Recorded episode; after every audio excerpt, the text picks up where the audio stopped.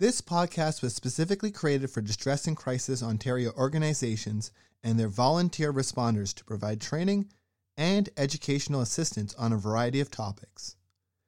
As information evolves and changes, these podcasts are meant to offer ongoing support with the goal of updating them on an ongoing basis.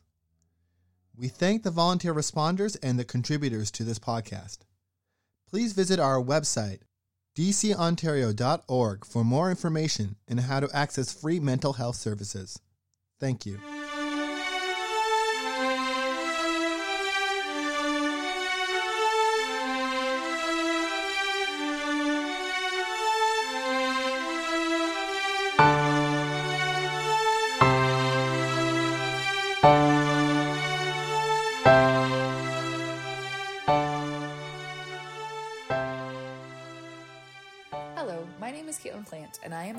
Manager at Distress and Crisis Ontario. Thank you for choosing to listen to our podcast this week. Today, I am once again joined by my very good friend Sabrina. She is a registered psychotherapist. Still qualifying? No, No, fully no qualified now. She's reached all of her goals. She has the very important certificate on her wall. She uh, has accomplished all of the things, which, yeah, is very exciting and I'm very proud of her. Proud friend moment. But we are coming together again today to, yeah, just kind of have a conversation for the benefit of ourselves and for all of our listeners and have kind of a end of January mental health check-in. It's kind of a hard time of the year for a lot of people for a lot of reasons and we did touch on some of this with last week's podcast i know. I know we shared some information from our webinar on post-holiday letdown and the winter blues and seasonal affective disorder but we'll talk about it a little bit more kind of conversationally today. And also just kind of checking in on how people are feeling about if you did set a new year's resolution maybe it's not quite going the way that you planned for it to and how can we kind of navigate some of the potential disappointment that people are feeling with like their goal setting and and things like that as well. So sabrina thank you for joining me today it's always a pleasure to have you Yeah, I love being here. It's always so fun. Awesome. I will fully admit that Sabrina and I kind of did our own mental health check in with each other before we even started Yeah. this podcast. Yeah. Um, so we're coming into this already kind of in a place of having had that kind of conversation with somebody. So I guess the first, yeah, the first question I have for you is, how you doing? How's this winter been for you so far? That's really sweet of you. Honestly, I find winter truly so difficult. The motivation level is decreased, it's cold. I, I want to be, you know, cozy, which obviously lends itself to, you know, like couch time. I think it's been great in the sense of like there's been lots of success, yeah, like graduating and, you know, finishing different requirements when it comes to my licensing and all of those things are lovely um, but i think when it comes to the winter in january specifically it's been dark and gray and kind of gross for so long um, that kind of at this point you know i feel it. I feel the you know hopefulness for spring kind of coming out of hibernation and figuring out okay where are we going with this year? Like 2024 new year. Definitely not new me, but you know, who can I be and how can I kind of bring a new presence of myself into every day? But I would say, I mean, the knowing that we're in a new year and that we're moving towards, you know, spring and sunshine and even just, you know, warmer days is really quite it's it's a nice hopeful feeling. Um yeah, what about you? How are you doing? I have the absolute pleasure and joy of being a mother to a toddler who loves snow. Yeah. like he looks out the window every day to make sure the snow is still there because he so badly wants to be able to go and make footprints in it and throw snowballs and just experience the joy of snow. So that mm-hmm. makes winter a lot easier for me. Mm-hmm. I also love snow, but it's totally totally different when you're seeing it through the eyes of a kid. Especially because yeah, he's only 3. He's seen snow before, but he doesn't really know he's seen snow before. Yeah. Um so this is like kind of his first real experience of winter. And so there's been a lot of joy in that, which has been great. I definitely also struggle with these shorter days, longer nights. I've definitely been in bed a lot earlier lately than I normally am. It's really interesting, like for me, 2024 is the year that he actually starts school, and that's been a really big thing for me. I just registered him for kindergarten, which, like, I know he's gonna love it, so I'm so excited for him, but it mm-hmm. also, I can't believe he starts kindergarten in 2024. Yeah. Like, what the heck? Where did the time go? Yeah. Like, even if if people have been listening to this podcast since I started with DCO, like he was still itty bitty when I started. So it kind of shows the passage of time, even for our listeners, that this little kid I've been talking about for years at this point now, yeah, he he's growing and changing, and it's as a mom, you really see the passage of time in your kids more than like any other way, and uh, so that's kind of my my big thing. So yeah, not not so much like not so much personal goals for me, other than the fact that I'm really looking forward to school kind of bringing in a little bit more structure mm-hmm. and bringing in a little bit more freedom for me to have that like very solid scheduled time where I will be able to do more things. Yeah. He's in childcare now, but it's it's not really the same. Like it's it's a little bit more flexible and there's a little bit less rigidity yeah yeah yeah and so i think that having that is going to bring some more like opportunities into both of our lives mm-hmm. It'll be it'll be his first time really being around other kids that aren't his cousins. Yeah. Um so it'll be interesting for him to like build friendships and be able to maybe meet some more moms that maybe i can build some more friendships with and yeah. all that kind of stuff too. So yeah that's kind of the big and and at the same time my other child starts high school this year. That's wild. Which is another huge transition and that's crazy and again leads to so many different things and and we're doing course selections right now and and that's that's just been insane mm-hmm. um trying to help her navigate what feels of course to her like a really big deal. Like it feels like she's setting herself up for her future and both honoring that while trying to make sure she knows that she's not stuck in whatever path she sets for herself right now.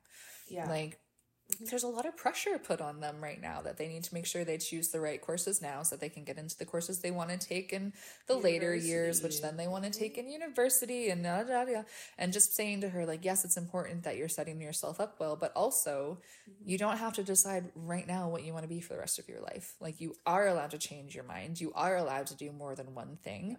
And also kind of navigating that. It's really interesting. It's interesting to have those two very different very different things going on in my life. Right. And then yeah, and then for myself it's it's this is the year where I'm not to put any pressure on myself or at least trying not to put any pressure on myself, but I do want to get to know myself more mm-hmm. outside of being a mom. Yeah. Um, I want to find those things that that bring me joy and bring me um, rest and bring me fulfillment that aren't centered on my kids, especially as they're going through these stages where they're getting older and they're becoming their their own people more. Um, so that's kind of kind of my thing. Yeah. So I've been sort of exploring that this month, not too much yet, but uh, at least trying to plan for ways that I can do that more in the coming year. Yeah, I think that's a really great kind of. I mean, even your kids starting high school is a wild experience, not only because it makes us feel incredibly old, but also you know, there's this pressure of like, okay, these choices that you make right now are a really big deal. And that fear of like, is this the right one? Is this the wrong one? That kind of reminds me and is really reminiscent of these like January goals that everyone makes. It's mm-hmm. really this mindset of, you know, if I set this goal and I don't hit it, all of a sudden I'm this failure or I haven't done what's a good thing and I'm not successful. And it just puts this kind of, you know, pressure on you to be something that honestly, you maybe don't even need to be. It's like, what do you want to be when you wake up in the morning? Because if you wake up today and you decide that maybe your goals are different than they were yesterday, or they were the, a different goal than when you started them in January, you know, that's okay. And you also mm-hmm. get to have some space to go, do I want to complete this goal? Is this, you know, who I want to be moving forward? And, and it's okay to also kind of just make space for where you don't complete those goals. Mm-hmm. You know, you may try something and go, actually, you know what? Maybe I don't want to work out seven days a week. Maybe I want to, you know, work out for seven minutes a week. You know, mm-hmm. it, and neither of those is better. It's finding am I honoring myself? Am I honoring what's successful and going to keep me like a healthy, whole person? Mm-hmm. Um, and it's interesting with high school that there's that pressure. It already kind of, I mean, it for sure starts earlier than that, but specifically in high school, like, hey, make these choices. It's going to lead you to where you go as an adult and as a person. And I can say, like, firmly from sitting here at, like, in my 30s, I have no idea, you know, the direction of where I'm going. I only know where I'm going, like, in the next hour. And, Mm-hmm. you know, after that, I'll decide again but yeah, I think that's honestly really quite commendable for you to be able to take some time and go, hey, like, what do I want to do now? I've spent a lot of, you know, this kind of time with my kids being a mom and, you know, who am I? Who who do I want to be so that my kids see, hey, you get to be more than just one thing. I'm not just a mm-hmm. student. I'm not just a parent. I'm not just a therapist. You know, I I am me and Yeah. who is that? Yeah. And that's I think really what these kind of January goals end up being is you're drawing yourself closer to who you are and who you want to be as mm-hmm. opposed to fulfilling these kind of obligations that society and the world tell us we're supposed to. Mm-hmm. Because i have this really great friend and always says to me you know well there's no should. And you know it's not that you should do this because that that means it's that's someone else's voice and that's somebody else's opinion and mm-hmm. you know what do you want to do? What can you do? Or what do you not want to do um, those are really kind of vital things to consider because it changes how you live your life and it gives you a certain level of joy that allows you to continue um, which can ultimately be really life changing Yeah, something I've seen a lot of actually on uh, my my social media specifically, which um, I have taken a lot of time and effort to make sure that I've curated a social media space that is safe and loving and nurturing and there are a lot of things that I do not see on my social media because I've actively made sure that I don't. Um, my social media is, for the most part, a really positive space because I've built it up to be that way.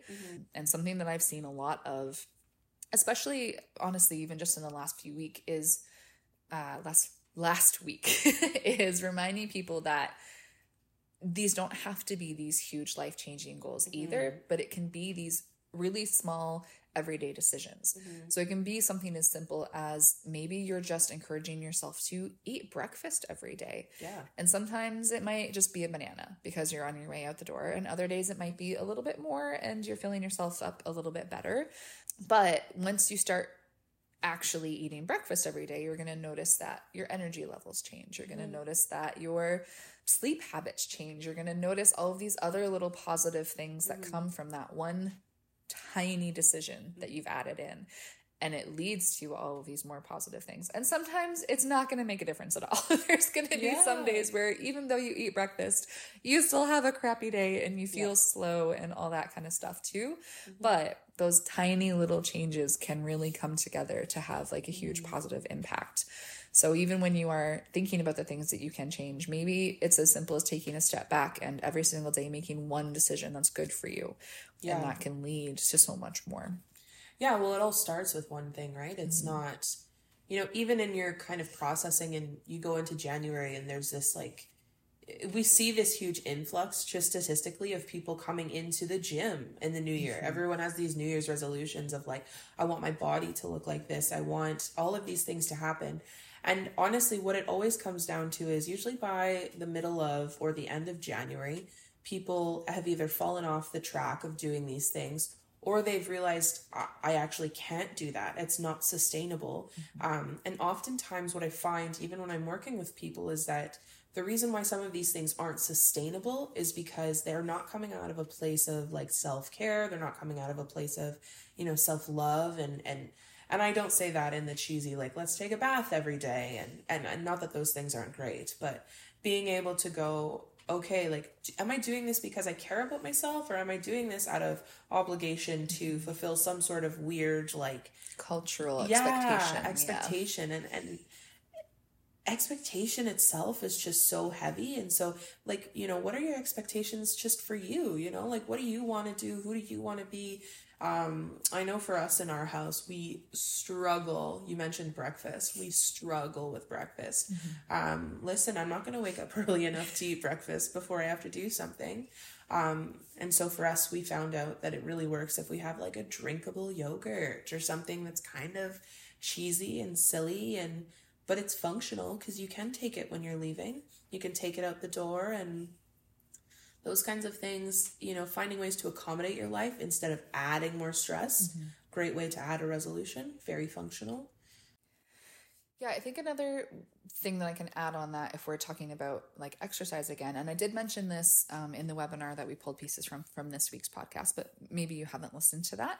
Um, if you're trying to exercise more, you don't necessarily have to go to the gym. yeah.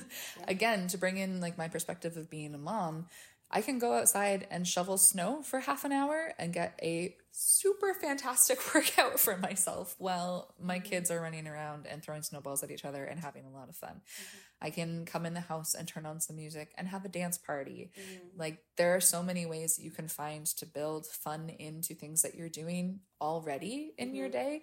It doesn't have to be yeah, this brand new thing. It doesn't have to mm-hmm. be setting this really rigid change. It doesn't have mm-hmm. to be so hard. I feel like we just make things hard for ourselves so often when we yeah. don't need to. and we really can take it a little bit easier on ourselves and try to find ways to just tweak what we're doing, anyways, not necessarily entirely change what we're doing.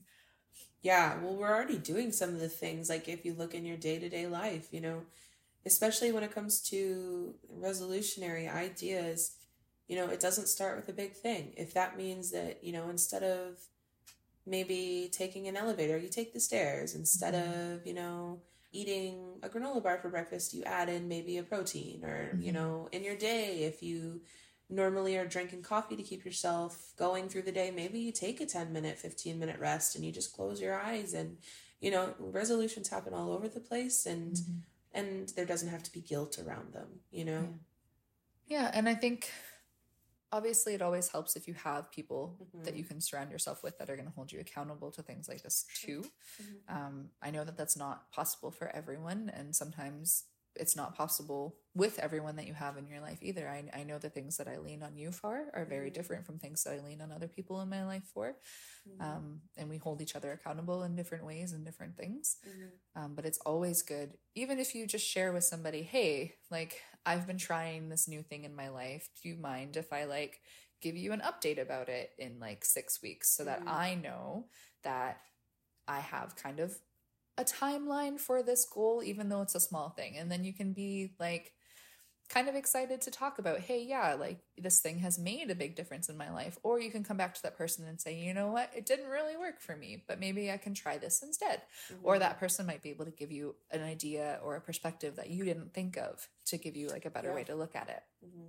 So it's definitely nice to be able to have people that you can pull into these things with you as well.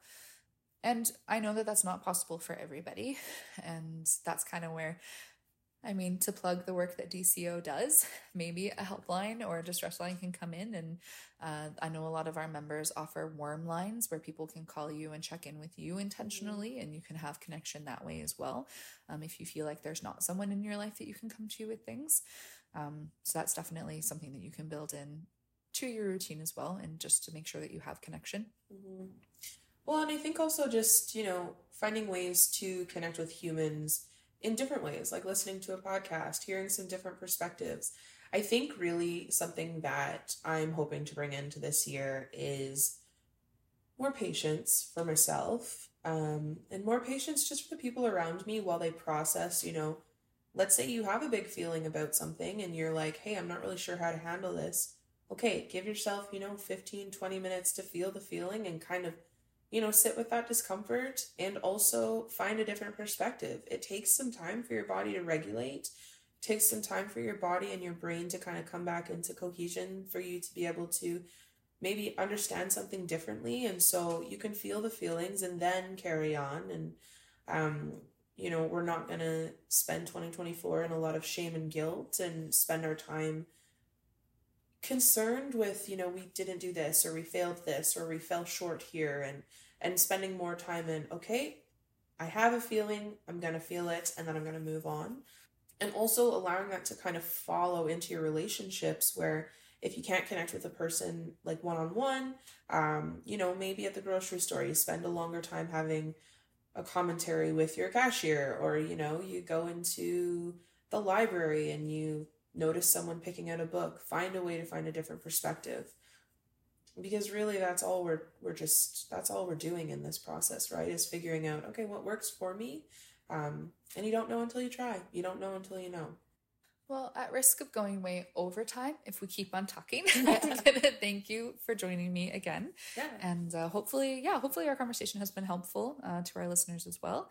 And as always, if you do want to connect with anyone about anything, you can connect with one of our member centers. Um, all the information is in the show notes on how you can do that.